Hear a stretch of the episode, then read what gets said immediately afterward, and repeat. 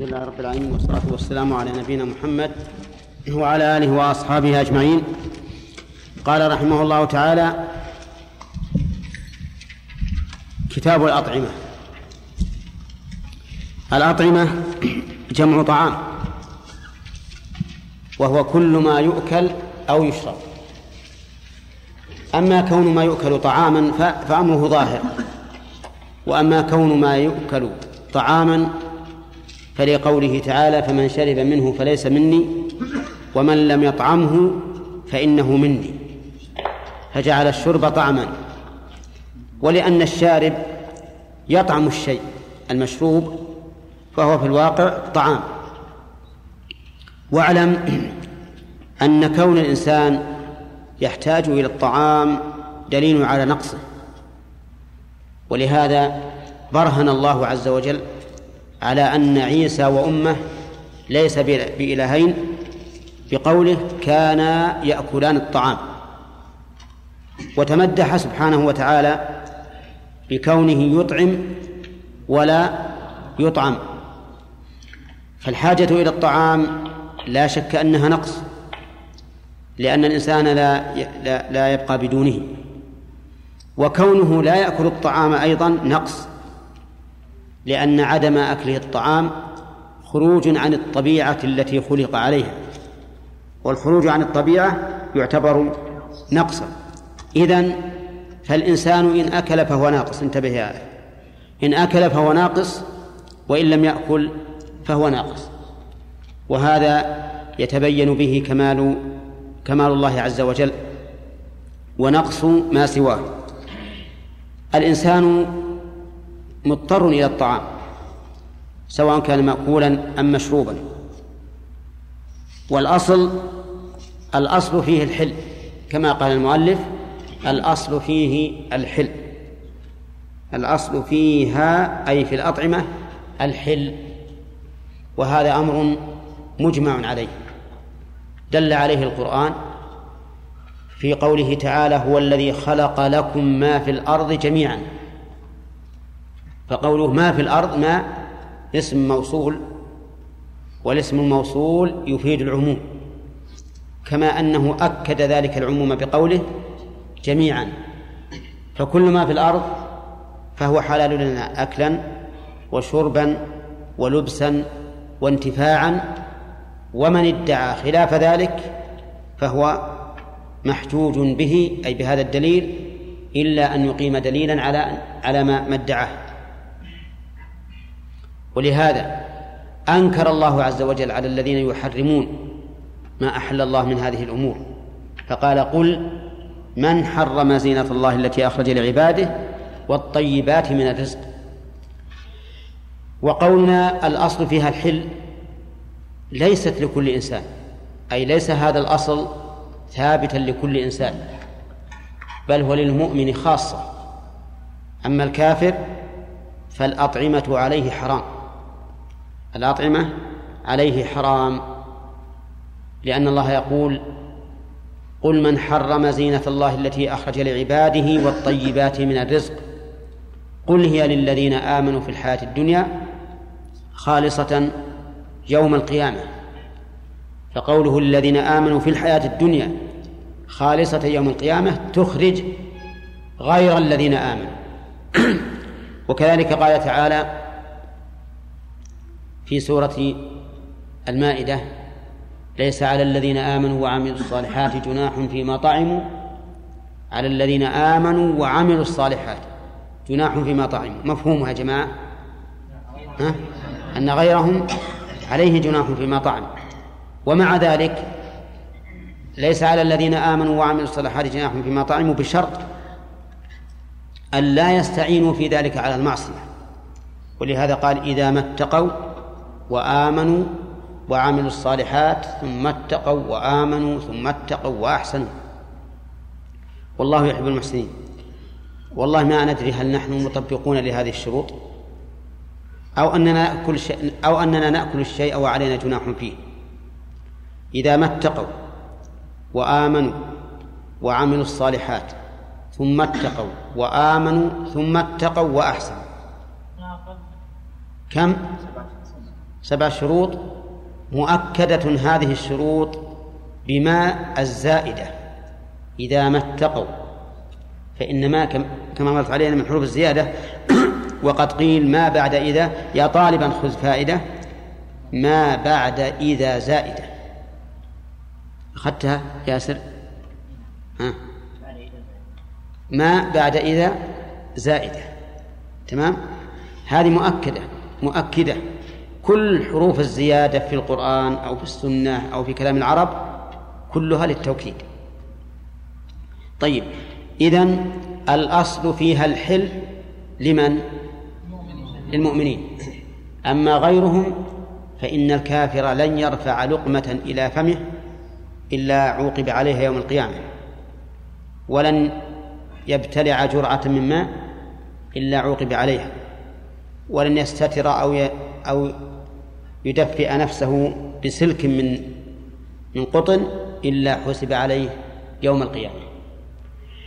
طيب إذن الأصل فيها الحل ما فائدتنا من هذه القاعدة العظيمة التي دل عليها الكتاب وكذلك السنة؟ قال النبي عليه الصلاة والسلام إن الله تعالى فرض فرائض فلا تضيعوها وحد حدودا فلا تعتدوها. وسكت عن أشياء رحمة بكم غير نسيان فلا تبحثوا عنها. وقال ما سكت عنه فهو عفو. هذا الأصل الذي دل عليه الكتاب والسنة وأجمع عليه المسلمون في الجملة. نستفيد منه فائدة وهي أن كل إنسان يقول هذا الشيء حرام مما يؤكل أو يشرب أو يلبس أيضا ماذا نقول له؟ نقول هات الدليل. لأن عندنا أدلة تدل على حله. هات الدليل. لو قال قائل الدخان حرام حلال. وش نقول؟ لا ما نطالب بالدليل. لأن الأصل حل نطالب دقيقة يا أخي. نقول ما نطالبك بالدليل. إذا قال لنا أصل حلال أن الدخان حلال قلنا نعم هذا هو الأصل. فإذا قال الثاني بل هو حرام نقول لهذا هات الدليل هات الدليل. ولا شك أن من تأمل نصوص الكتاب والسنة ونظر نظرا صحيحا تبين له أن الدخان حرام أن الدخان حرام. وليس هذا موضع ذكر أدلة تحريمه ربما يأتي في موضع آخر. من من كلام المؤلف الآن. قال المؤلف تفريعا على هذه القاعدة فيباح. ألف هنا إيه؟ للتفريع. يعني فبناء على ذلك يباح كل طاهر. سيد عندكم؟ كل طاهر لا مضرة فيه. كل طاهر. خرج بقوله كل طاهر ما كان نجسا أو متنجسا. فالنجس نجاسته عينية والمتنجس نجاسته حكمية. طيب النجس مثل الميتة الخنزير الدم المسفوح. قال الله تعالى قل لا أجد فيما أوحي إلي محرما على طعام يطعمه إلا أن يكون ميتة أو دما مسفوحا أو لحم خنزير فإنه الضمير يعود على إيش؟ على الثلاثة؟ إذا قال قائل على الثلاثة لو كان كذلك لقال فإنها. رجس بل يعود شف قل لا أجد فيما أوحي إلي محرما على طاعم. محرم هذا مفرد. على طاعم يطعمه إلا أن يكون ذلك الشيء المحرم على الطاعم الذي يطعمه إلا أن يكون إيش؟ ميتة أو دم مسوحا على خنزير فإنه أي ذلك الشيء رجس. أي نجس؟ واضح؟ طيب. المتنجس ما هو الدليل على تحريمه؟ لو قال قائل النج... النجس واضح تحريمه لأنه نجس العين. وكل نجس حرام وليس كل حرام نجسا. صح. هذه مرت علينا أظن في إزالة النجاسة. ها؟ أو في الآنية. نعم. طيب. ما هو الدليل على أن المتنجس حرام؟ الدليل لأن المتنجس متأثر بالنجاسة. مختلط بها. فالنجاسة لم تزل فيه. فإذا أكلته أو شربته فقد باشرت النجاسة. أكلت النجاسة وشربته ولا لا؟ فلهذا نقول المتنجس محرم لأنه ليس بطاهر. وإذا كان الشرع يأمرنا بإزالة النجاسة من ظاهر أجسامنا فكيف ندخل النجاسة باطن أجسامنا؟ طيب الثاني قال لا مضرة فيه. شوف كل طاهر لا مضرة فيه فخرج بذلك الطاهر الذي فيه مضرة. فالطاهر الذي فيه مضرة ها؟ لا يجوز حرام. وسواء كانت المضرة في عينه أو في غيره في عينه أو في غيره. كيف في عينه وغيره؟ في عينه كالسم. السم نجاسة ضرره في في عينه. وكذلك الدخان. فإنه ضار في عينه. الضرر في عينك كامن فيه. وضرره مجمع عليه بين الأطباء اليوم. لا يختلف في ذلك اثنان منهم. أنه ضار لما يشتمل عليه من المواد السامة المفسدة للدم. طيب الضار في غيره مثل أن يكون هذا الطعام لا يلتئم مع هذا الطعام بمعنى أنك إذا جمعت بين الطعامين حصل الضرر وإذا أكلتهما على انفراد لم يحصل الضرر. ومن ذلك الحمية للمرضى. فإن المريض إذا حمي عن نوع معين من الطعام وقيل له إن تناوله يضرك صار عليه حراما صار عليه حراما. من ذلك على تمثيل النحويين. لا تأكل السمك ها وتشرب اللبن بالفتح. لا تأكل السمك وتشرب اللبن. ولكننا نقول للنحويين في هذه القاعدة أو هذا الضابط ما هذا عشك فادرجي فإن الأطباء الآن يقولون إنه لا يضر. وقد رأينا أهل جدة وإذا كان منهم أحد حاضر فليؤيد ما نقول يأكلون السمك ويشربون اللبن ولا يضرهم ذلك شيئا. نعم. ها؟ وكم حرمتها القاعدة من واحد. نعم نعم. طيب. آه، إذن نقول الضار إما ضار في ذاته ضرر في نفسه أو في غيره بأن يكون هو نفسه ليس بضار لكن إذا جمع إلى غيره ضر فهو حرام. قلت ومن ذلك ها حمية المرضى. طيب. قال شيخ الإسلام رحمه الله وإذا خاف الإنسان من الأكل أذى أو تخمة حرم عليه. إذا خاف أذى يعني مثل أكل أكل كثير وخاف أن هذا الأكل الكثير يحتاج إلى ماء. كما يقول العامة الماء يدل الدقيق. يعني إن الذي لا يقولون إن الذي يشرب كثيرا ما أنه قد أكل كثيرا. إذا أكلت طعام الطعام يبي ماء. خصوصا إذا كان قرصان جافة فهذا لا شك أنه يبي, يبي ماء. نعم. فإذا إذا قال الإنسان أنا إذا ملأت بطني من هذا الطعام يبي يحتاج إلى ماء. فإذا أضفت إليه الماء معناه يلا أمشي من بطني وأتأذى. إن قعدت تأذيت ويمكن وإن ركعت تأذيت وإن تسلقيت على ظهري تأذيت وإن انبطحت على بطني تأذيت. ويؤذيني هذا. يقول شيخ الإسلام إذا خاف الأذية فإنه يحرم عليه يحرم عليه الأكل. وما قاله رحمه الله صحيح لأن التأذي لا يجوز للإنسان أن يأكل ما يؤذيه أو يلبس ما يؤذيه أو يجلس على ما يؤذيه. حتى الصحابة في السجود كان إذا إذا أذاهم الحر يبسطون ثيابهم ويسجدون عليها لئلا يتأذوا ولأجل أن يطمئنوا في صلاتهم. طيب. إذن هذا الذي ذكره شيخ الإسلام خوف الأذية والتخمة مما ضرره في ذاته أو في غيره؟ ها؟ في غيره. وهو الإكثار. يعني هو بنفسه ليس بضار لكن الإكثار منه يكون ضارا مؤذيا.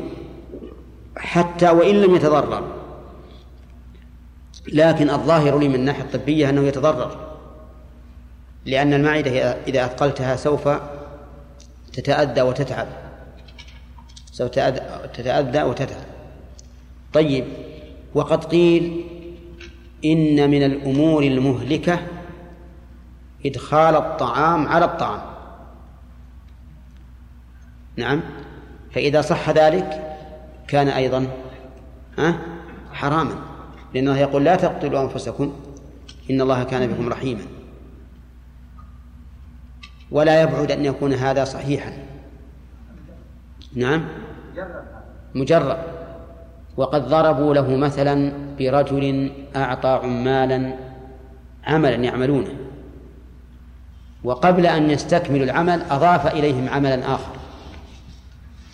معلوم أنهم لا يمكن أن يشتغلوا بالاثنين إلا على حساب أحدهما. فإذا بدأوا بالشغل الجديد فالشغل القديم يختل يختل. المعدة إذا استقبلت الطعام الجديد اختل هضمها للطعام الأول ولا سيما إن الهضم يعني جعل الله جعل الله له غددا تفرز. مواد بحسب بقائه في المعدة والأطباء عندهم له مراتب. النضج الأول والثاني والثالث والرابع فلا بد أن يكون هناك يعني موازنة حتى يعرف الإنسان ما مرتبة أو ما درجة الطعام الأول وهل يمكن أن يضيف إليه طعاما آخر أو لا. طيب إذا يباح كل طاهر. لا مضرة فيه. قال من حب هذه بيان لكل كل طاهر من حب. وثمر ونحوهما الحب مثل إيش؟ كالبر والرز والشعير والعدس والفول والفصفص وما أشبه ذلك. ها؟ في مضار؟ اي طيب إذا أخرجوه. أخرجوه. طيب لكن ما أستطيع أن أقول للناس حرام. إن ثبت لكن ما أظن يثبت يعني مطلقا. يمكن إكثار منه. ها؟ الإكثار منه. بعض الناس شيخ للبخري يؤدي إلى بخر الفم ويؤدي إلى نعم أي.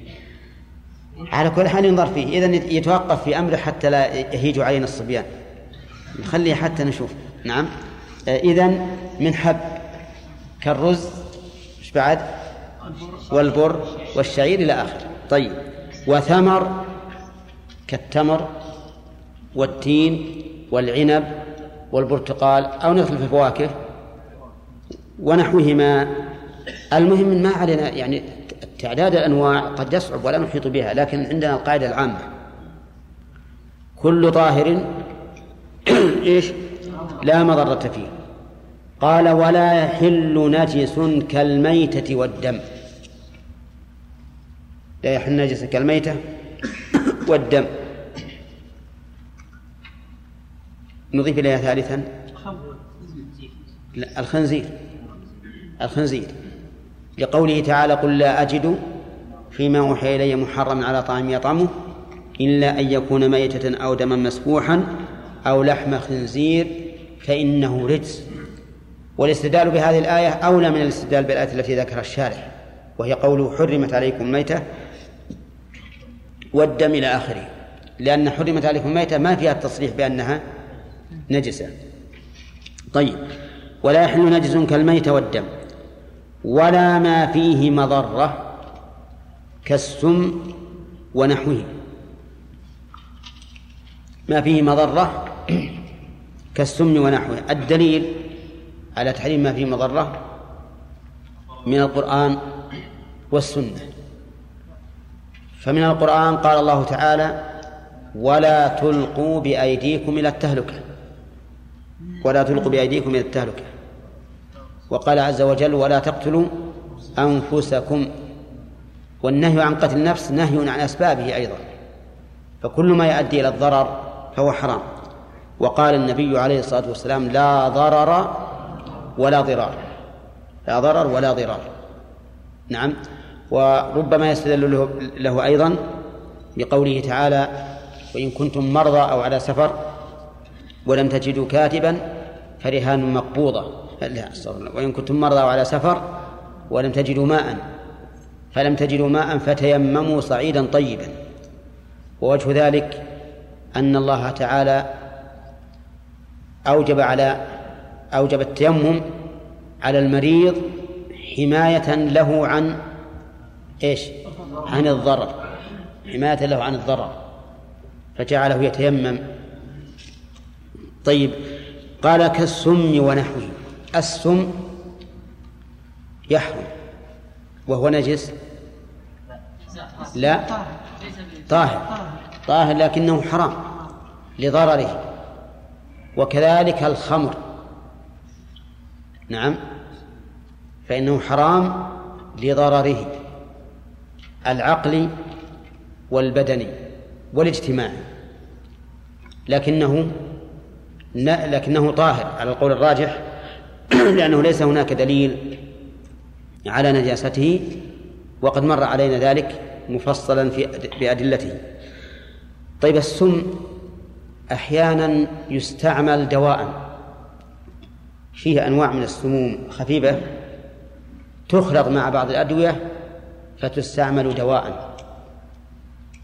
هذه نص العلماء على أنها جائزة لكن بشرط أن نعلم انتفاء الضرر. أن نعلم انتفاء الضرر. فإذا خلطت بعض الأدوية بأشياء سامة لكن على وجه لا ضرر فيه فإنها تباح. لأن لدينا قاعدة فقهية مهمة. وهي أن الحكم يدور مع علته وجودا وعدما. فإذا استعمل السم أو شيء فيه سم على وجه لا ضرر فيه كان ذلك جائزا. لكن لا يكون الإنسان يكثر من هذا أو مثل يوصف له هذا الدواء الذي فيه شيء من السم بقدر معين ثم لقوة الألم فيه يقول باخذ بدل القرص عشرة أقراص. إنه ربما إذا فعل ذلك يتضرر ويهلك يتضرر ويهلك. بل لا بد في مثل هذه الأمور أن تكون بمشورة أهل العلم بذلك. وهم من؟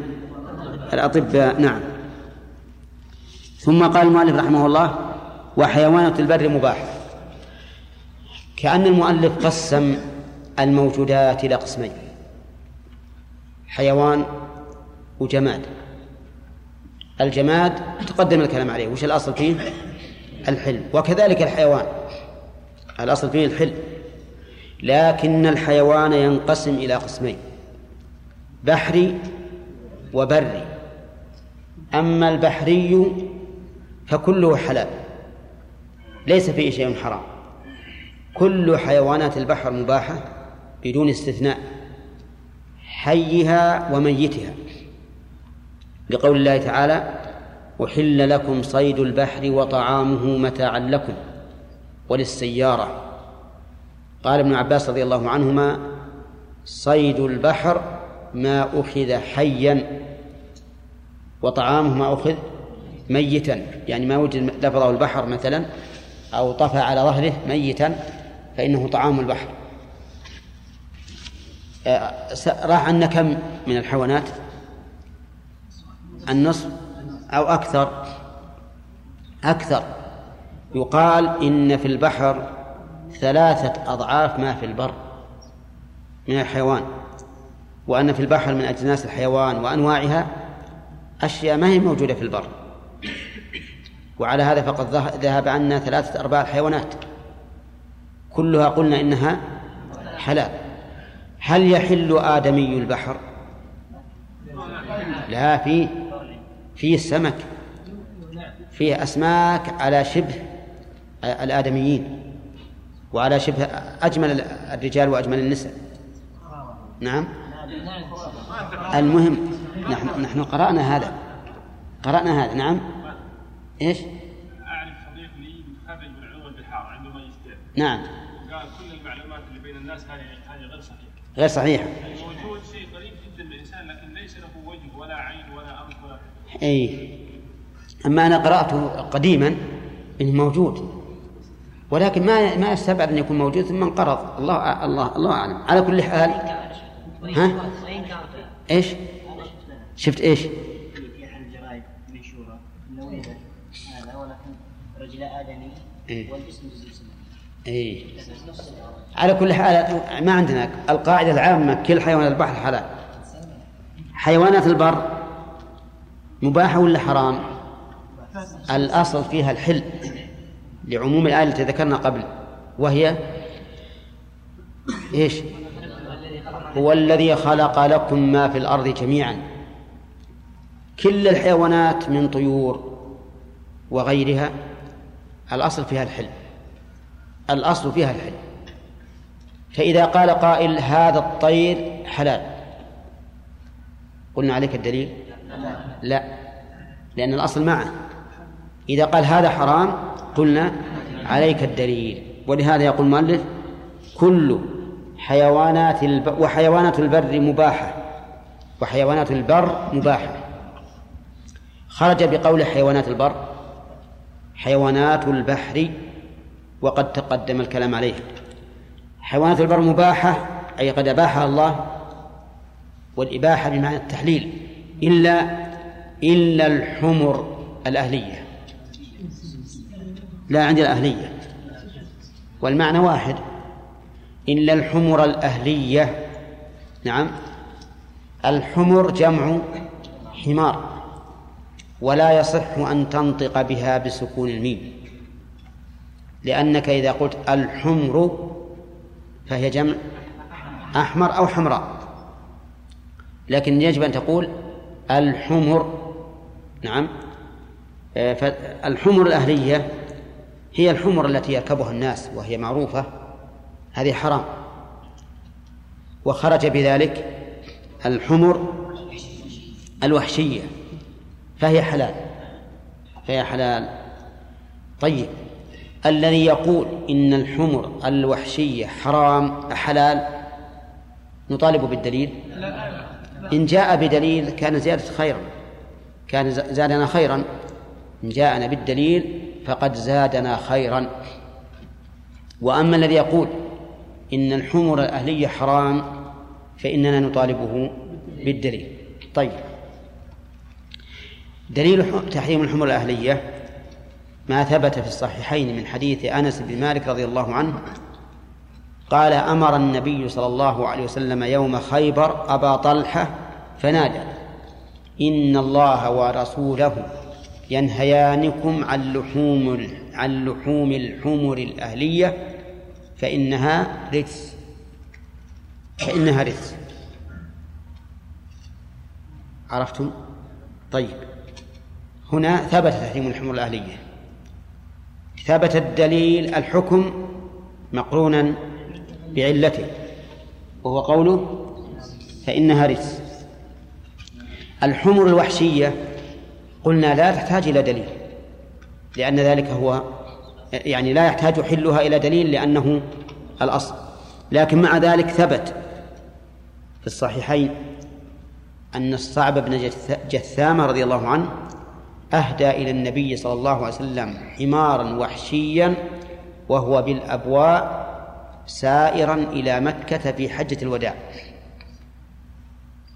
ولكن الرسول رده وعلل الرد قال إنا لم نرده عليك إلا أن حرم يعني محرمون وأنت صدته لنا فلا نأكله.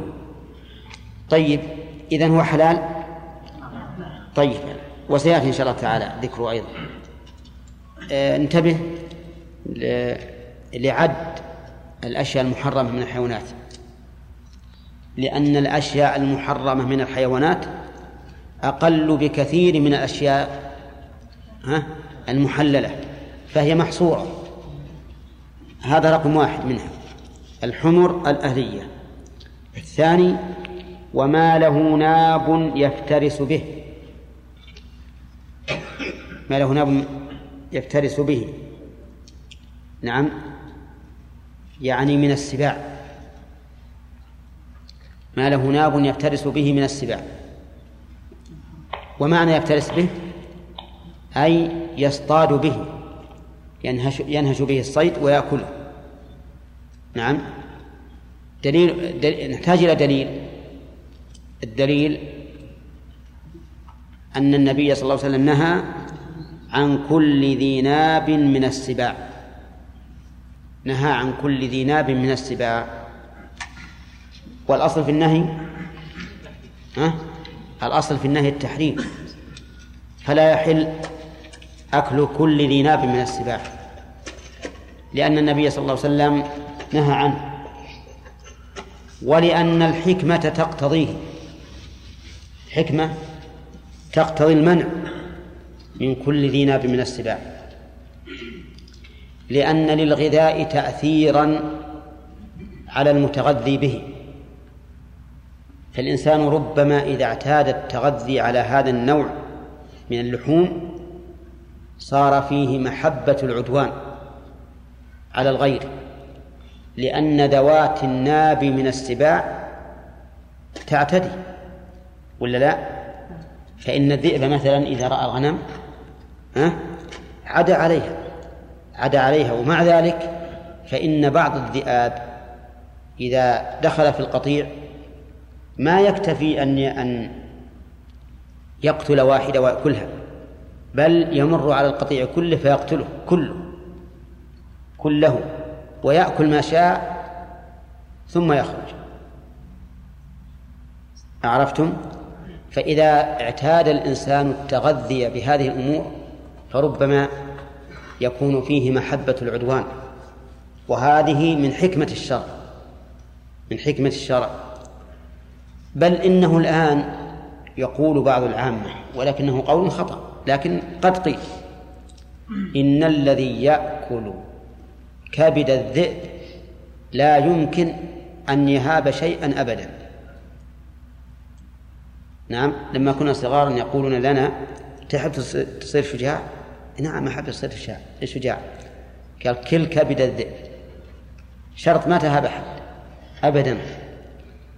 تحب تصير مصيبا في رميك؟ في رميتك؟ قلت نعم. قال زدح بيدك. نعم. إيش؟ لا يعرفها يمكن بعض ال... طيب. تعرفونها؟ ها؟ اي نعم. يجوا يلفون لهم خرقة. يلفون خرقة نعم. ويولعون في أعلاها. ثم يضعونها على اليد هذه حتى تحترق اليد. أي نعم. وأحسن ما يكون إذا كانت الخرقة طويلة وطفت على اليد. هذه ما يحتاج. نعم. هذا أحسن شيء عندهم. يقول هذا الإنسان اللي يفعل هذا ما يحتاج. إذا أمسك البندق لو تبيه يدخل السهم مع جب الإبرة دخل نعم. يصيب تماما. لكن هذا الواقع أنه غير صحيح. الواقع أنه غير صحيح. لا تغتروا بأقوال الصبيان.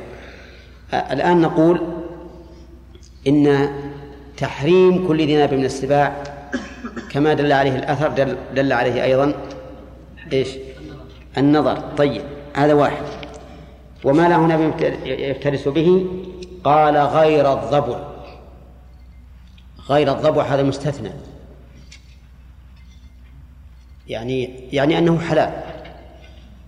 وكلام المؤلف يدل على أن الضبع من ذوات الناب التي تفترس بنابها. ولكن هذا غير مسلم. فإن كثيرا من ذوي الخبرة يقولون إن الضبع لا تفترس بنابها وليست بسبب ولا تفترس إلا عند الضرورة أو عند العدوان عليها. يعني إذا جاءت جدا ربما تفترس وليس من طبيعتها العدوان. أو إذا اعتدى أحد عليها فربما تفرسه. مثل أخذ أولادها من من بين يديها وما أشبه ذلك ربما وإلا فليست كذلك. ولكن على كل حال استثناء المؤلف إياها نطالبه بالدليل لأن استثناءه إياها من ذلك يدل على أنه يرى أنها من ذوات السباع التي تفترس يدل على أنها من السباع التي تفترس بنابها يقول الدليل على إخراجها أن النبي صلى الله عليه وسلم جعل في فيها شاة إذا قتلها المحرم. جعل فيها شاة إذا قتلها المحرم. وهذا يدل على أنها من الصيد. لأن الله تعالى يقول يا أيها الذين آمنوا لا تقتلوا الصيد وأنتم حرم. وبهذا استدل الإمام أحمد رحمه الله أن النبي صلى الله عليه وسلم جعل فيها كبشا. وجعل النبي عليه الصلاة والسلام فيها كبشا يدل على أنها حلال. وهذه الحيوانات الآن تعتبر منقرضة. يعني نادر أن تجد أن تجدها في في البلاد. كانت في الأول كثيرة في الجزيرة العربية لكن انقرضت.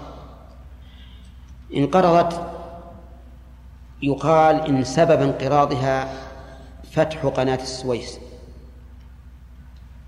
لأنها كانت تأتينا بالأول من أفريقيا لما كان بين الجزيرة العربية وأفريقيا بر كانت تأتينا منه ثم لما فتحت القناة امتنعت. والله أعلم هل هذا السبب أو لا. على كل حال الآن كل ما له ناب من السباع يفترس به فهو حرام لأن النبي صلى الله عليه وسلم نهى عن كل ذي ناب من السباع واستثنى المؤلف الضبع وهو دليل على أنه يرى أنها داخلة في ذلك ثم استثناها. والصحيح أنها غير داخلة أصلا. ولو سلمنا أنها داخلة فقد ثبت عن النبي عليه الصلاة والسلام أنه جعل فيها كبشا وهذا يدل على أنها من الصيد. نعم. هل يجوز مع حديث ما ملأ ابن آدم وعاء شر البطن؟ الحديث. نعم. هل يجوز؟ إلا للنادر بحيث كما والله لا شك إن أنه من الناحية الطبية أن عدم ملء البطن دائما أولى بلا شك. وهذا شيء مشاهد. والعجيب مع الأسف الشديد أن غير المسلمين يطبقون ذلك كما سمعت. يقولون إنهم هناك في بعض البلاد بلاد الكفار يكثرون الأكل يعني الوجبات لكن بقلة. نعم. فتتقبل المعدة هذا الطعام وتهضمه ثم هو يمد بدنه بالغذاء. وهذا طيب. ولكن هل قول الرسول عليه الصلاة والسلام إن كان لابد فاعل نعم. ما ملأ ابن آدم وعاء شرا من بطنه؟ هل هنا الشرية تعتبر شرا شرعيا؟ أو أنه من الناحية ال- يعني العادية محل توقف وتأمل. لكن لا شك أن أن أحسن ما يكون ما أرشد إليه النبي عليه الصلاة والسلام. وجرب تجد. نعم. لو فلنقل يقول لو تأهل الحمار الوحشي هل يكون حراما؟ ها؟ لا ما يكون حراما لأن العبرة بأصله. العبرة بأصله. إي نعم. نعم. نعم. لا الدم المسفوح. نعم. هذا يحتاج إلى إلى إلى إلى قيد.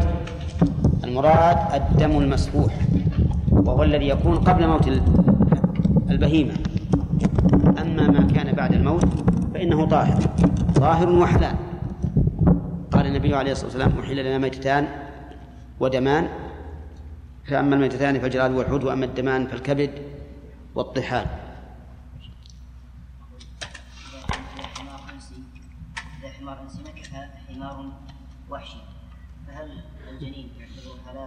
أنت تعقد لهم النكاح؟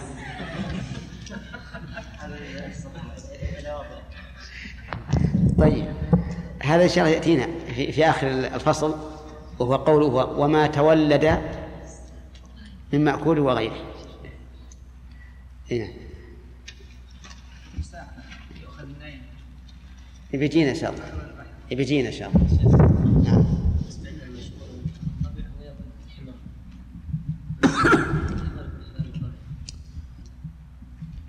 الم- اللي يعرفه أهل ال...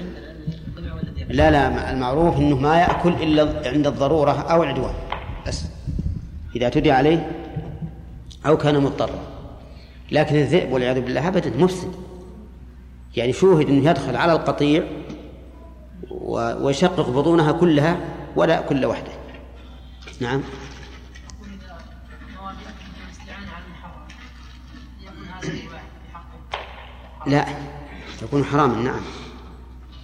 يكون حراما. لأن كل ما ما استعان به الإنسان على حرام فهو حرام. هذه يكون يكون حراما فعليه أن يتوب من ذلك. لأنه نوى وباشر.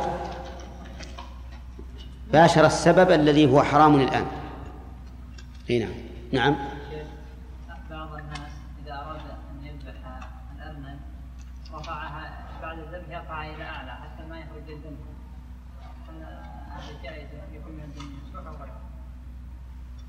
لا هذا خطأ.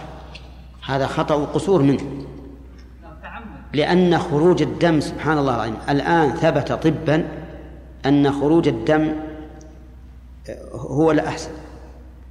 هو الأحسن. الآن في المذابح المتقدمة في أمريكا يخرجون الدم لازم. لكن كيف يفعلون؟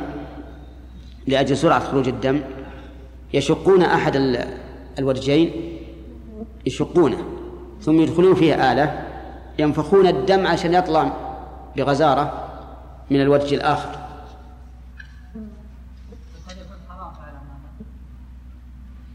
والله نشك في هذا لأن لا بد يخرج الدم ما, ما يمكن ما يخرج أبدا. لكن لا بد يخرج الدم. نعم. أقول لا بد أن يخرج الدم. حتى لو رفعوه لا بد أن يخرج. فيكون داخلا في عموم قوله عليه الصلاة والسلام ما أنهر الدم لكن ينبغي أن يب- أن يبين لهؤلاء أن هذا خطأ منهم.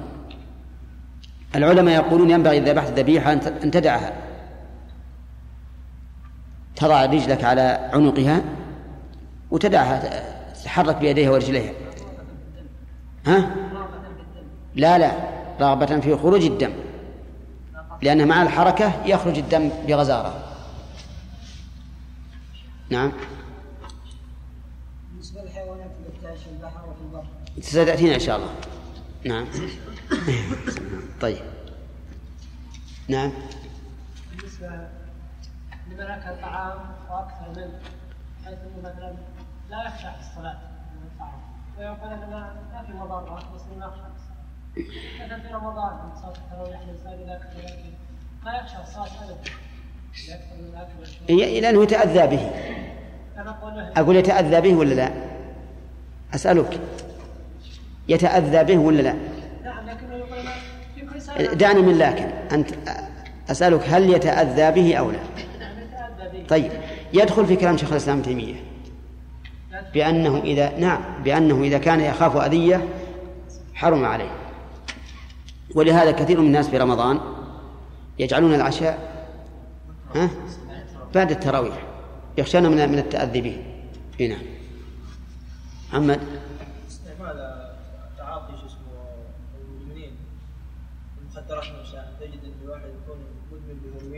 ها؟ يكون مدمن بالمخدرات إيه. مادة. يعطون نفس هذا المادة للعلاج. هذا يجوز؟ المدمن مستمر ما يستحي يسأل عنه. لازم يكون نفس المخدر. كيف يعلمون مع مخدر؟ نفس المخدر. يكون هذا مع مثال هيروين. مدمن بالهيروين يعطوه كميه من الهيروين. علشان؟ عشان يدرجون بالتدريج على آه يعني عند عندما يريدون عندما يريدون انتشاله منه؟ أي. إيه. على كل حال هذه معالجة. يعني الرجل الآن مثلا إذا كان يتناول مثلا غرام في اليوم وبغينا نعطيه للعلاج للعلاج يعني ننزل من الغرام شيئا قليلا وفي اليوم التالي أقل وفي اليوم الثالث أقل هذا لا بأس به نسبة بسيطة جدا ها؟ نسبة النجاح بسيطة جدا كي-. ليش؟ يا شيخ نفس هذا الطريقة اللي اليوم يعني يكاد يكون 99% ما علاج المهم في احتمال إنه ينجح. احتمال بسيط. طيب أيما أحسن أنه يأخذ مثلا غرام ولا يأخذ أقل من ذلك؟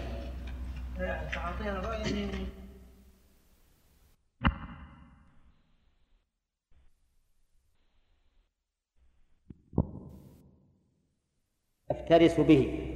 وما له ناب من الس... ما عندكم من السباع؟ وما له ناب يفترس به غير الضبع. ما هو الدليل؟ ممثلا لهذه المحرمات التي لها ناب من تفترس به قال كالأسد. حيوان معروف. يضرب به المثل في الشجاعة. والنمر يقولون أيضا أنه حيوان بين الكلب والأسد. وله جلد مخطط. قال والذئب وهو أيضا حيوان معروف. كلنا ترى كل هذه بيقول حيوان معروف لأن ما ما نعرفه بالحيل. نعم؟ حيوان معروف عند من يعرفه. طيب. والفيل معروف؟ طيب. في الحدائق؟ الذئب أيضا معروف. في في هنا عندنا في في عنيزة ذئبان. إذا شئتم استأذنا من من صاحبهم يوريكم إياه بشرط أن يدخلكم عليه. طيب. طيب. وفي أيضا الفهد. ها؟ حيوان معروف. طيب.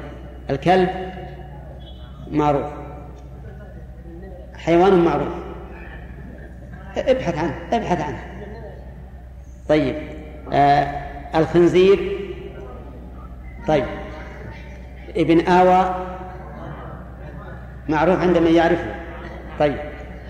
ويسمى باللغة العامية يسمى الواوي الواوي. ولهذا إذا أرادوا أن يعني يهاوشوا أحدا أو يزجروه قالوا لا ما يجيك الواو أنت واو. يقول له أنت الواو. طيب. فيه أيضا ابن عرس حيوان معروف. السنور معروف. القط. طيب. آه عندي أنا النمس أو بالسين عندكم؟ طيب. أيضا حيوان معروف. القرد معروف. معروف. الدب ما أعرفه أنا يعني يعرفه أهله. علة القرد شيخ؟ ها؟ والقرد؟ طيب كل هذه أمثلة لما له ناب يفترس به. وليس من شرط أن يفترس الرجال أو يفترس المواشي. قد يفترس الشيء الصغير نعم. وكلكم يعرفون أن هذه كلها تفترس. تأكل ما دونها من الحيوانات. الدب معروف. والظاهر أنه حيوان بليد. ولذلك يضرب به المثل في الإنسان البليد يقال هذا فلان دب. نعم. طيب. و وما انتهى. هذه قسمين. انتبه الآن نقسمها. القسم الأول أو الصنف الأول الحمر الأهلية. الصنف الثاني ما له ناب من السباع يفترس به. الصنف الثالث ما له مخلب من الطير يصير به. ما له مخلب المخلب ما تخلب به الأشياء أي تجرح وتشق. والمراد بها الأظفار التي يفترس بها. فإن هذه الطيور التي ذكرها المؤلف لها أظفار قوية. تشق بها الجلود حتى إنها تمر خاطفة بالأرنب وهي طائرة هكذا ف- تضربه بهذه ال- الأظفار حتى تشق جلده. فهي إذن لها مخلب. وليس المراد بالمخلب ذلك الشيء الذي يخرج في ساق الديك. فإن هذا مخلب لكنه لا يصيد به. المراد بالمخلب إيش؟ الأظفار التي تخلب بها أي تشق وتجرح. نعم. آه، وقال كالعقاب. طائر معروف. والبازي كذلك. والصقر طائر معروف. طيب. والشاهين معروف. ويسمى الشاهان عند بعض الناس. كذلك أيضا الباشق الباشق طائر معروف والعقعق نعم طائر معروف. أي نعم. طيب ما في شك. نعم والحدأة. الحدأة معروفة؟ معروفة. طيب والبومة؟ معروفة. اي بس هذا الصنف الثالث. الصنف الرابع قال وما يأكل الجيف. فيه طيور تأكل الجيف ولكنها لا لا تصيد. إذا رأت الجيفة نزلت عليها وأكلت منها لكن هي لا تصيد. مثل النسر.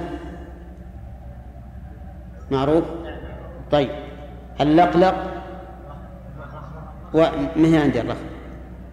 لكنها الرخم الرخم جمع رخمها معروف.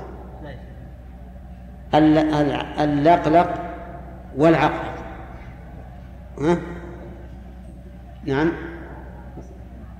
معروف أيضا. نعم. طيب. ها؟ ها؟ عندنا عند ال- اللقلق والعقعق لا العقعق غلط. صلح. العقعق والبوم يتشاءمون بها العرب. نعم. يقول الشاعر إن من صاد عقعقا لمشوم. كيف من صاد عقعقان وبوم؟ نعم. يصير أشد.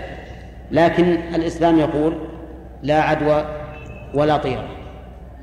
ومن فتح على نفسه باب الطيرة تعب مع الأشياء. طيب. الغراب الأبقع يعني فيه بقعة بيضاء هذا أيضا حرام. وهو احتراز من غراب صغير يشبه الحمامة. هذا يقولون إنه حلال لأنه لا يأكل الجيف الغداف قال المؤلف وهو أسود صغير أغبر. طيب معروف عند المؤلف لكن عندنا غير معروف. نعم. قال والغراب الأسود الكبير. هذا غير الأبقع هذا الأسود الكبير. إذن الغربان صارت ثلاث أصناف أبقع وأسود كبير وأسود صغير. الأسود الصغير هذا حلال والأسود الكبير والأبقع هذا حرام. يشبه الحمامة. هم قالوا أسود طيب كم هذه؟ أربعة ولا ثلاثة؟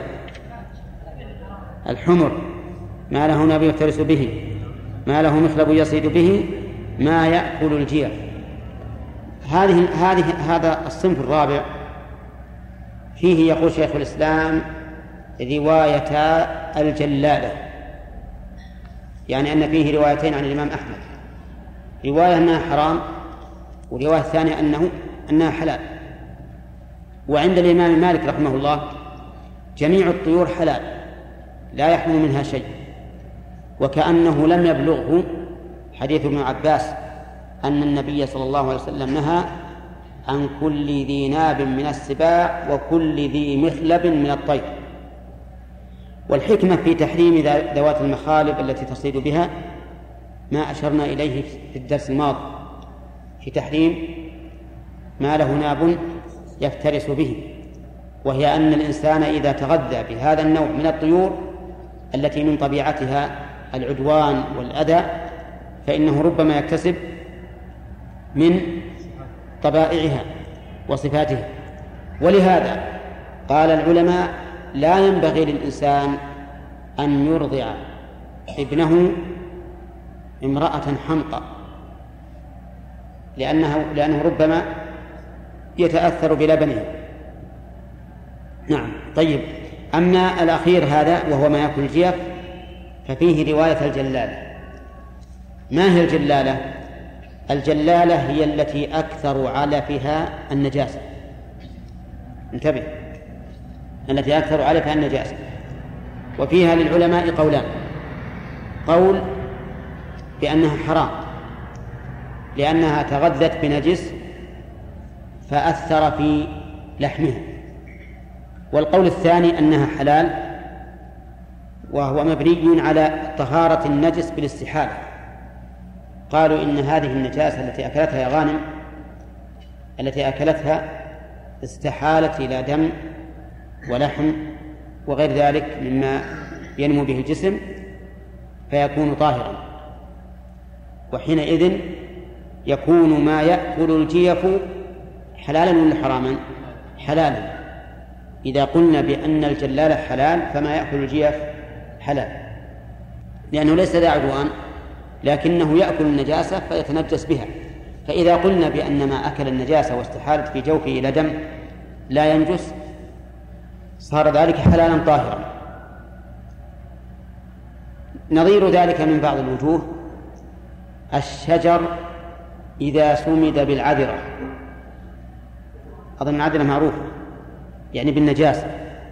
هل يحرم ثمره أو لا يحرم؟ جمهور العلماء على أنه لا يحرم ثمره على أنه لا يحرم ثمره لأن النجاسة استحالت إلا إذا ظهر رائحة النجاسة أو طعم النجاسة في الثمر فيكون حراما. وهذا القول هو الصحيح بلا شك أنه لا يحرم ما سمد بالنجس ما لم يتغير. وكان الناس عندنا هنا في البلاد كانوا يسمدون بأرواث الحمير. لما كانت الحمير هي التي تسني تظهر الماء كانوا يسمدون بأرواثها ولكن لو تقول لهم اسمدوا بعذرة الإنسان قالوا أعوذ بالله هذا ما يجوز. مع أنهم يسمدون بأرواث الحمير. ولا فرق بينهم كلاهما نجس لكن العادات تؤثر في العقائد. لما كانوا لا يعتادون أن أن يسمدوا بعذرة الإنسان قالوا هذا حرام. ولما كانوا يعتادون أن يسمدوا بأرواث الحمير قالوا هذا لا بأس به. ولكن الصحيح أنه لا بأس به في الموضعين.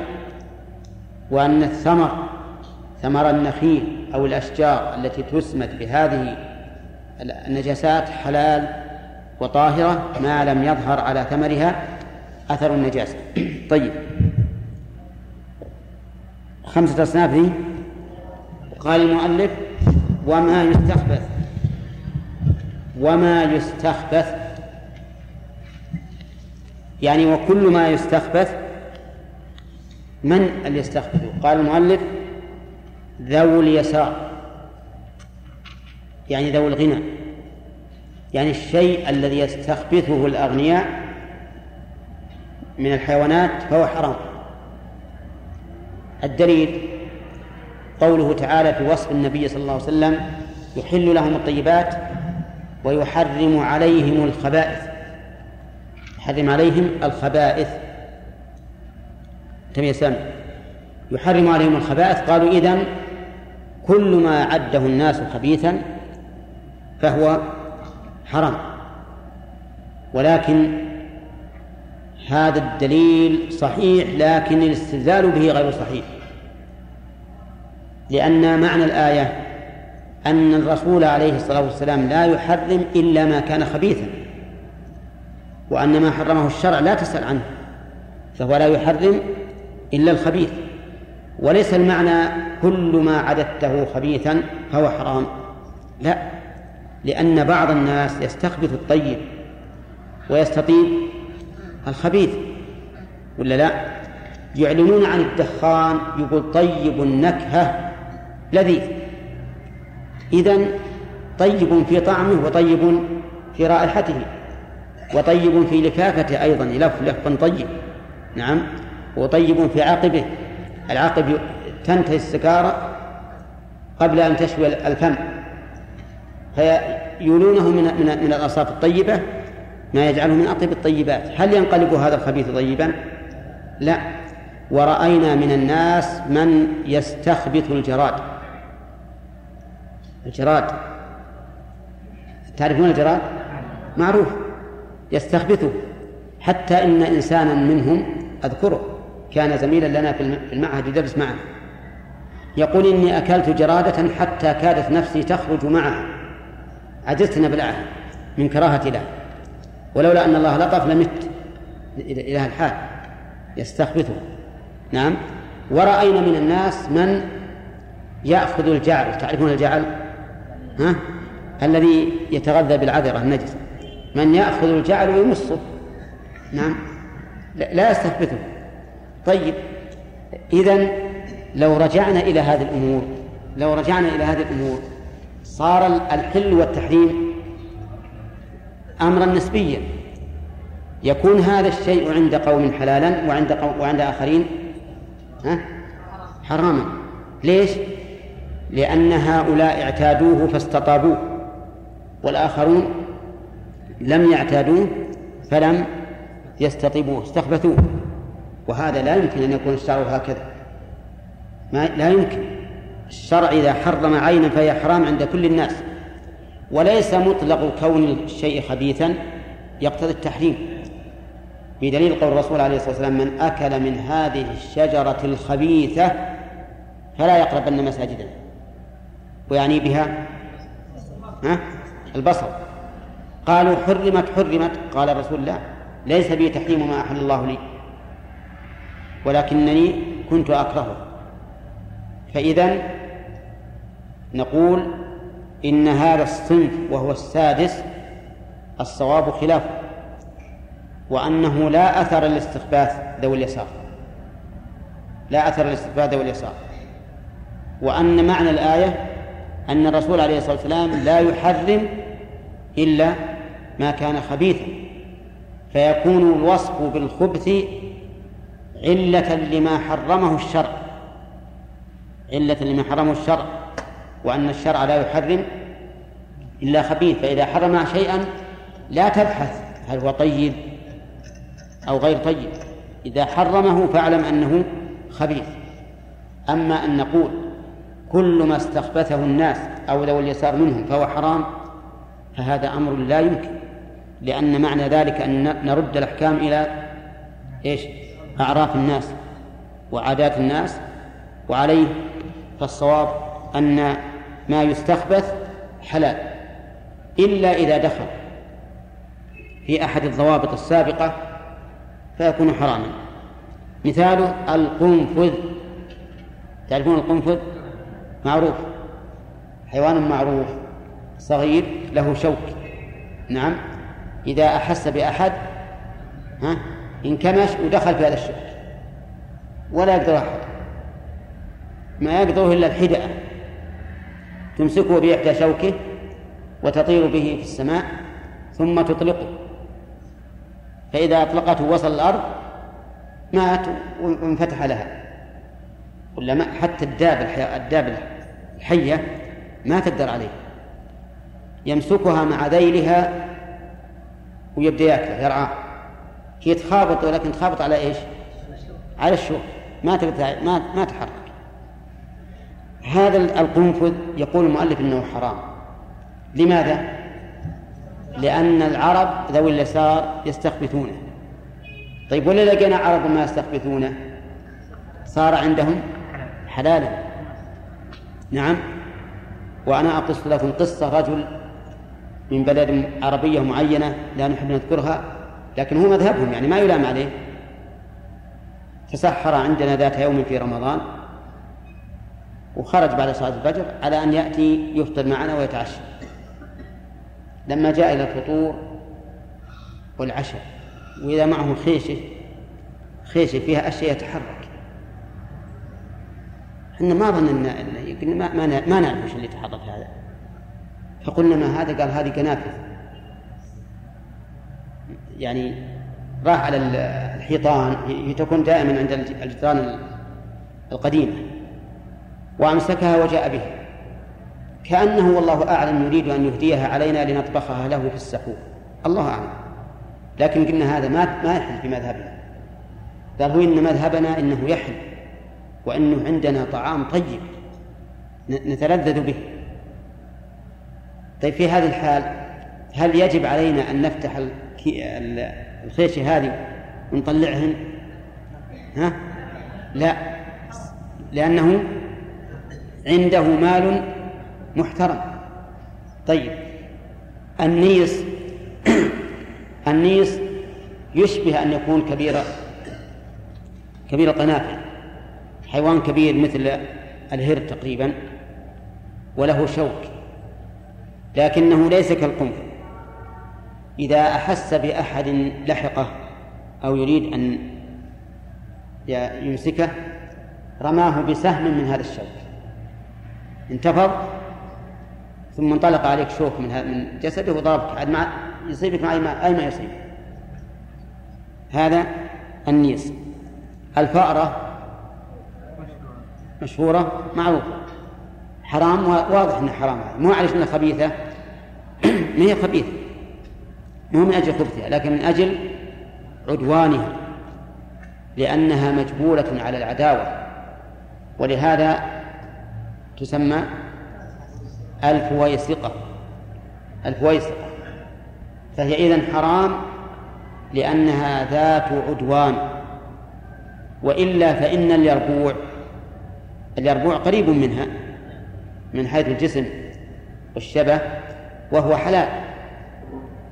تعرفوا يا أسر ها؟ إيه هو الجربوع. لكن حتى ياسر لا يعرف الجربوع الظاهر. نعم؟ اليربوع هو الذي يكون جحره مناسبا في الاشتقاق. لمن؟ للمنافقين. ولهذا المنافقين مأخوذ من نافقاء اليربوع. اليربوع حيوان صغير رجليه طوال ويديه قصار. وهو ذكي يحفر له جحر ويفتح الباب للدخول والخروج. ثم يستمر في في هذا الجحر وعند نهايته يحفر خارجا ولكنه لا يفتح الباب يخلي سلب رقيق فوق الأرض لأجل إذا حجره أحد من الباب الرسمي ها؟ خرج من الباب الآخر يعني يصير يصير والم من يوم يضرب السد برأسه يخرج ويمشي. هذا اليربوع لكن اليربوع حلال. طيب الجري هو فأرة البر. لا ما يحل. لأنه أيضا يعتدي. نعم. يقول الحية. ها؟ الحية حرام. وفيه قاعدة للحية والفارة وشبهها. قاعدة ينبغي أن نجعلها بدل قاعدة المؤلف وهي الاستخفاف وهي ما أمر الشارع بقتله أو نهى عن قتله. ما كل ما أمر الشارع بقتله أو نهى عن قتله فهو حرام. كل ما أمر بقتله أو نهى عن قتله فهو حرام. أما ما نهى عن قتله فالأمر فيه ظاهر حرام. لأنك لو لو تقتله وقعت فيما نهى عنه الشارع. وأما ما أمر بقتله فلأنه مؤذن معتد. نعم؟ وعلى هذا فنقول بدل قاعدة المؤلف كل ما أمر الشارع بقتله أو نهى عن قتله. الذي أمر بقتله مثل ها؟ خمس من الدواب كلهن فاسق يقتلن في الحل والحرم. الغراب والحدأة والفارة والعقرب والكلب العقور طيب الحي أيضا أمر بقتله. الوزر أمر بقتله. نعم. طيب.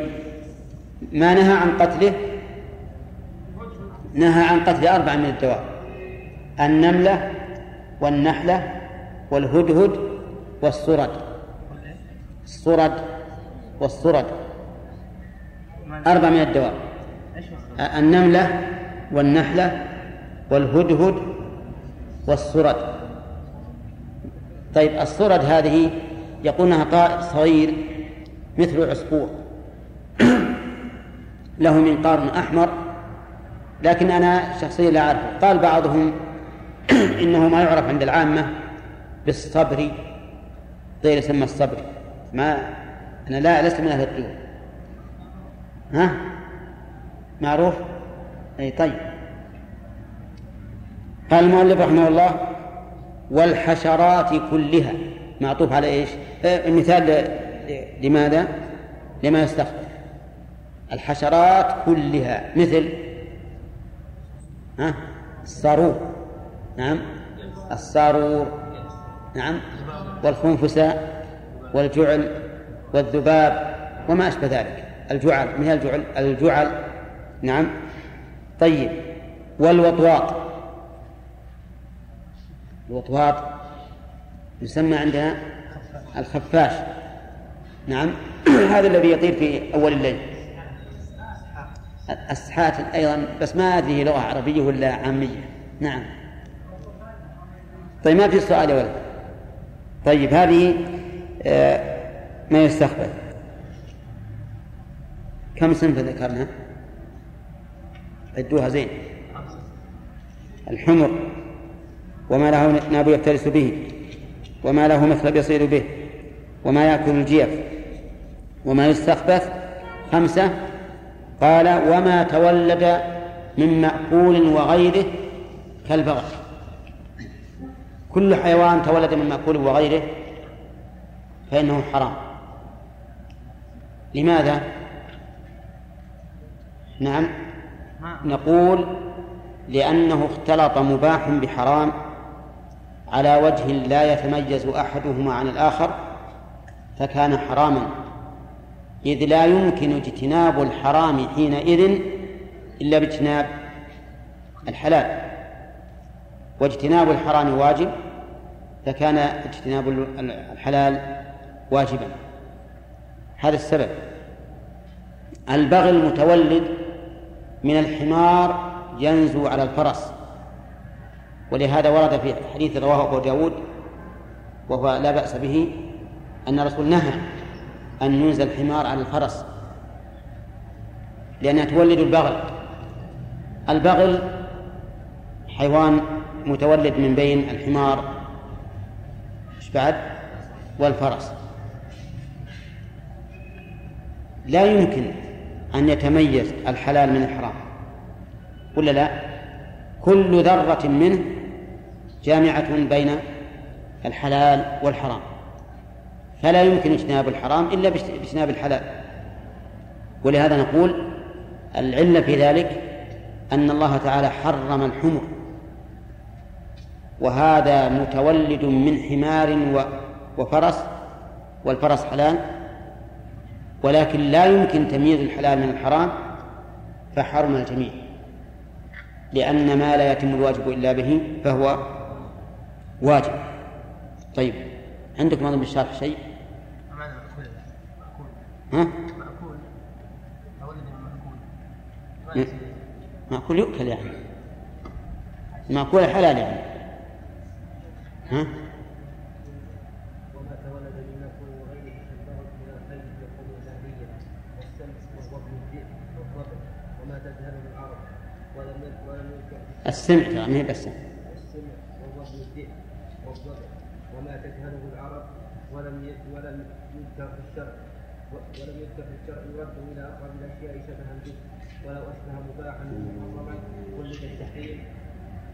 ودود ودود جبن وخل ونحوها يؤكل ثلاث نعم.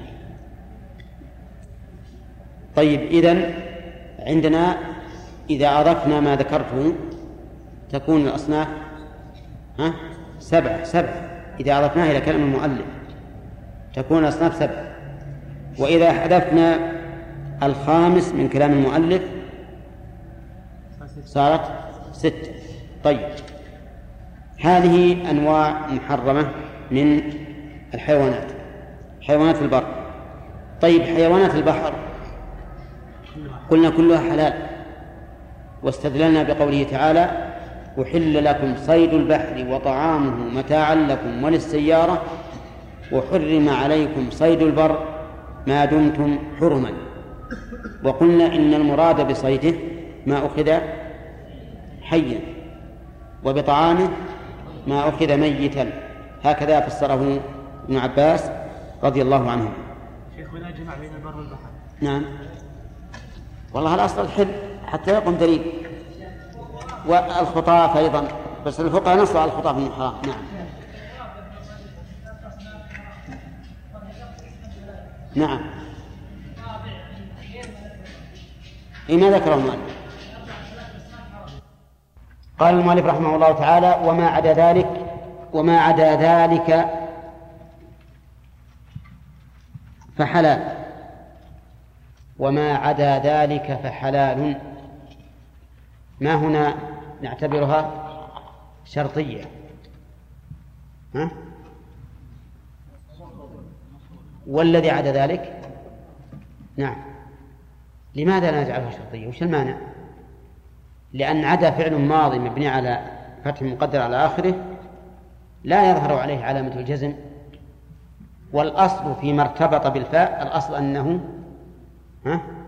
لا الأصل أنه شرط لأن الفاء الرابطة الأصل أن تأتي في في الأدوات الشرطية.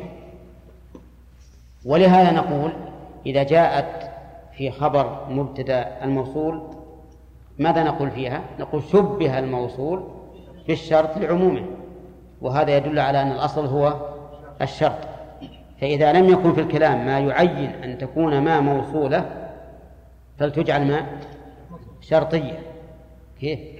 فلتجعل شرطية إذا لم يوجد في اللفظ ما يعين أن ما موصولة فلتجعل شرطية لأن الأصل أن الربط بالفاء إنما يكون للشرط. طيب.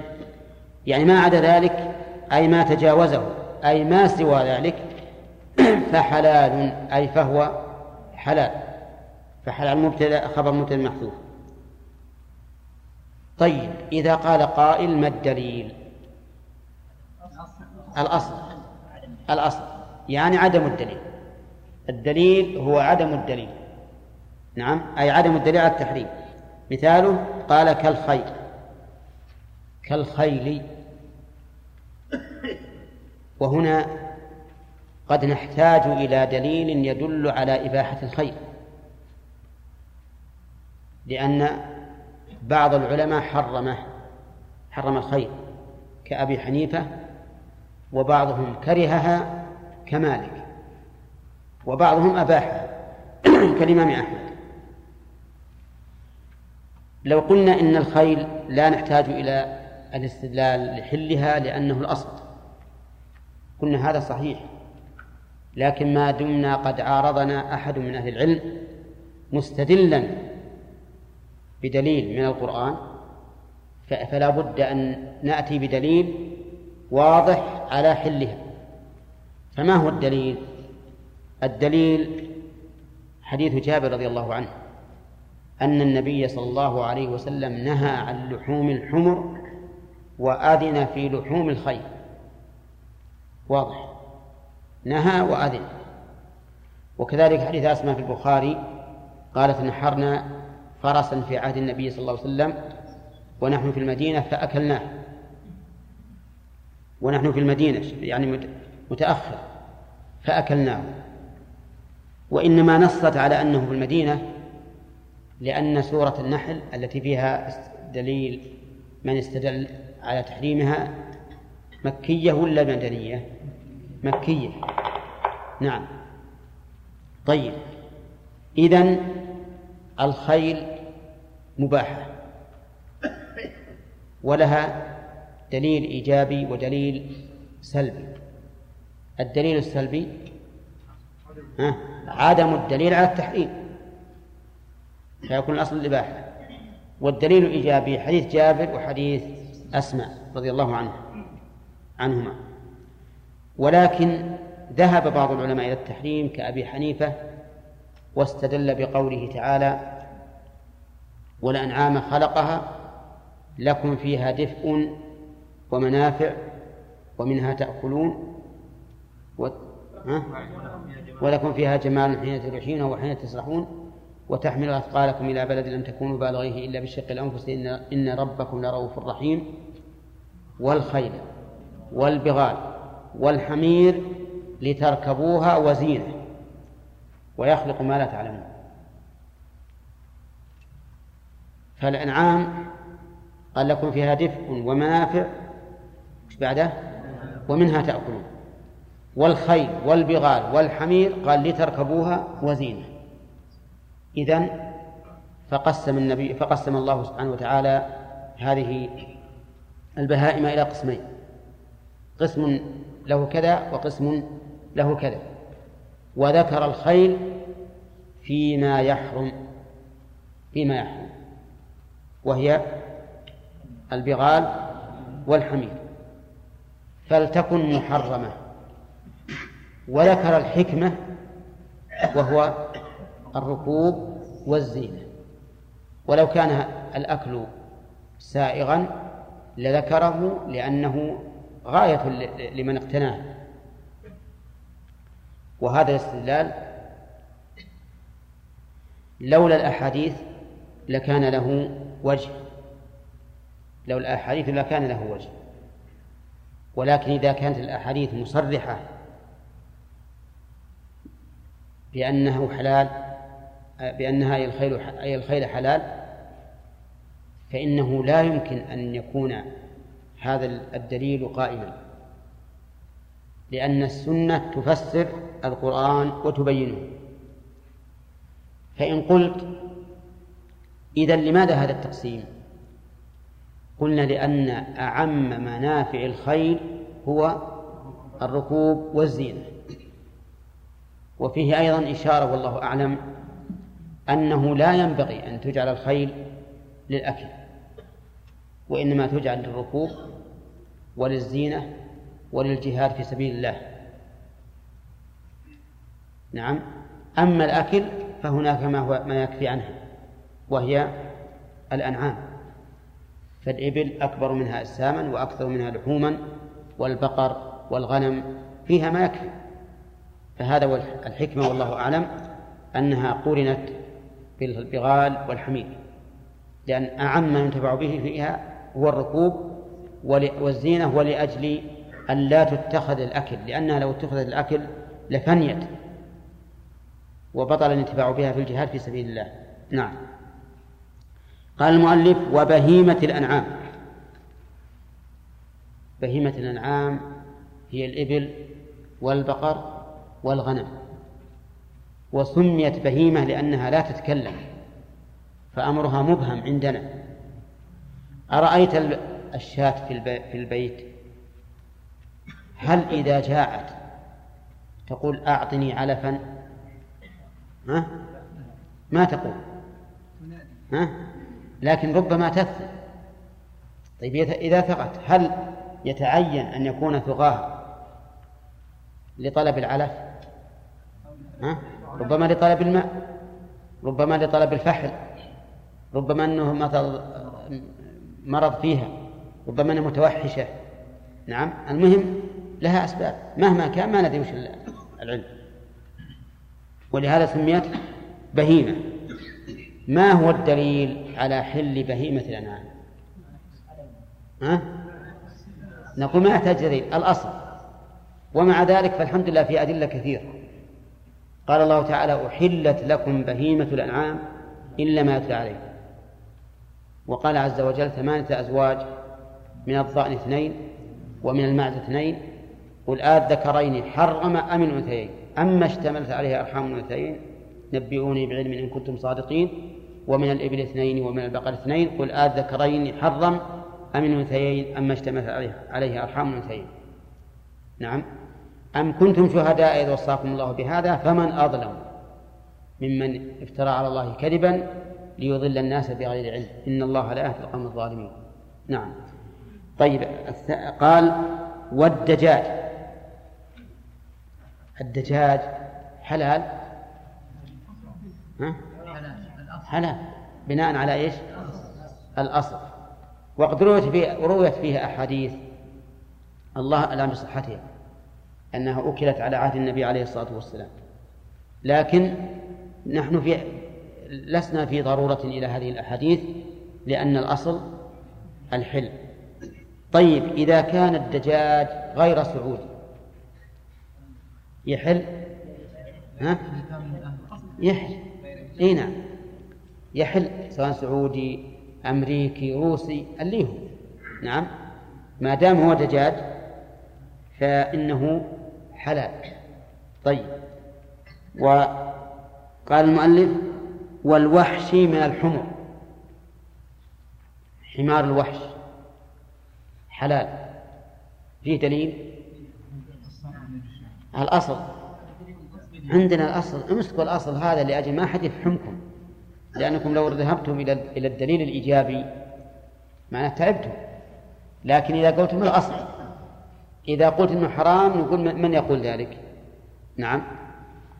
ثم نقول عندنا دليل إيجابي وهو حديث الصعب ابن جثامة وحديث أبي قتادة رضي الله عنه. وعندنا أيضا حديث أنس بن مالك. إن الله ورسوله ينهاكم عن لحوم الحمر. الأهلية أو الإنسية شككت الآن. طيب فإن مفهوم الأهلية يدل ها؟ على حل الوحشية. طيب. نعم. اي متفق عليه؟ اي طيب الحمد لله. أنا بعيد العهد بها. عندك؟ ها؟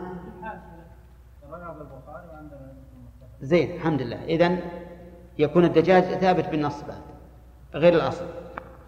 نعم. الوحش من الحمر ومن البقر.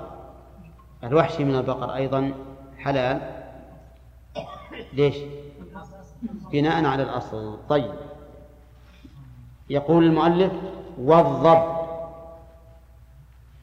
الضب معروف. ما أدري عن ياسر يعرفه ولا لا؟ تعرفه؟ ها؟ لا لا عندي الضب والضب. نعم. طيب. الضب حلال. الدليل؟ الأصل. الدليل الأصل. كذا؟ طيب. وفيه أيضا أحاديث صحيحة عن النبي عليه الصلاة والسلام. لكن النبي صلى الله عليه وسلم لم يأكلها لأنها لم تكن في أرض قومه فكره كراهة نفسية لا شرعية. طيب. الظبا جمع ظبي وهو معروف أيضا وهو حلال. الدليل الأصل ولأن في صيده في حال, الإحرام فدية. وكل شيء فيه فدية فإنه حلال. طيب عندي النعامة معروفة؟ طيب.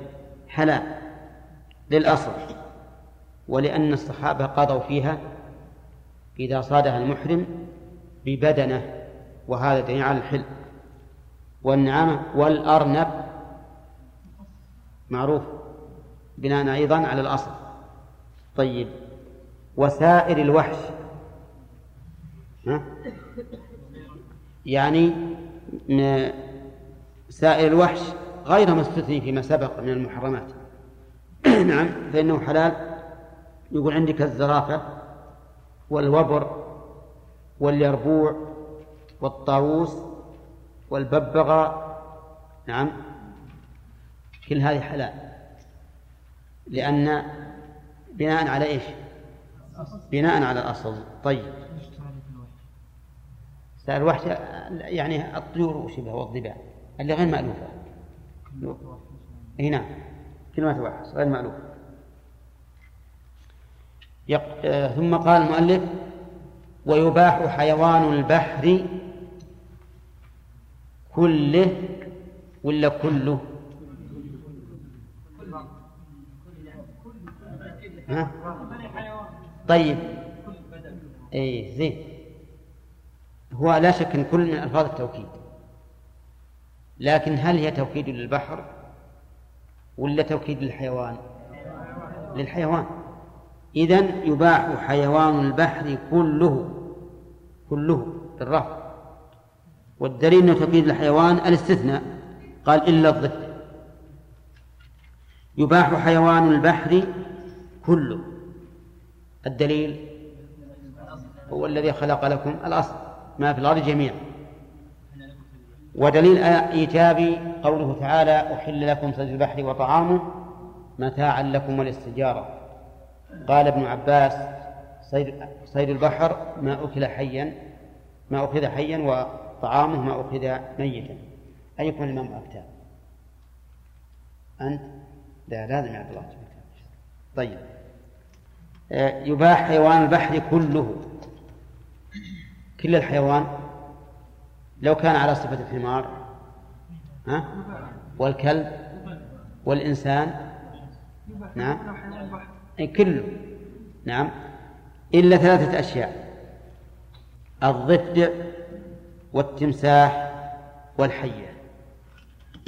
هذه ثلاثة لا تباح. الضفدع يقول لأنها مستخبثة مع أن الضفدع في الواقع هو بري ولا بحري؟ أي بري بحري. بري بحري. نعم. إذا ليس ليس من حيوان البحر لأن حيوان البحر هو الذي لا يعيش إلا في الماء. هذا حيوان البحر. الذي لا يعيش إلا في الماء هذا حيوان البحر. وعلى هذا فالضفدع يعتبر من الحيوانات البرية البحرية. طيب. ويقول المؤلف إنه مستخبث. وإذا كانت العلة هي الاستخباث فإننا نرجع إلى ما سبق وهو هل الاستخباث يعتبر علة مؤثرة أو لا؟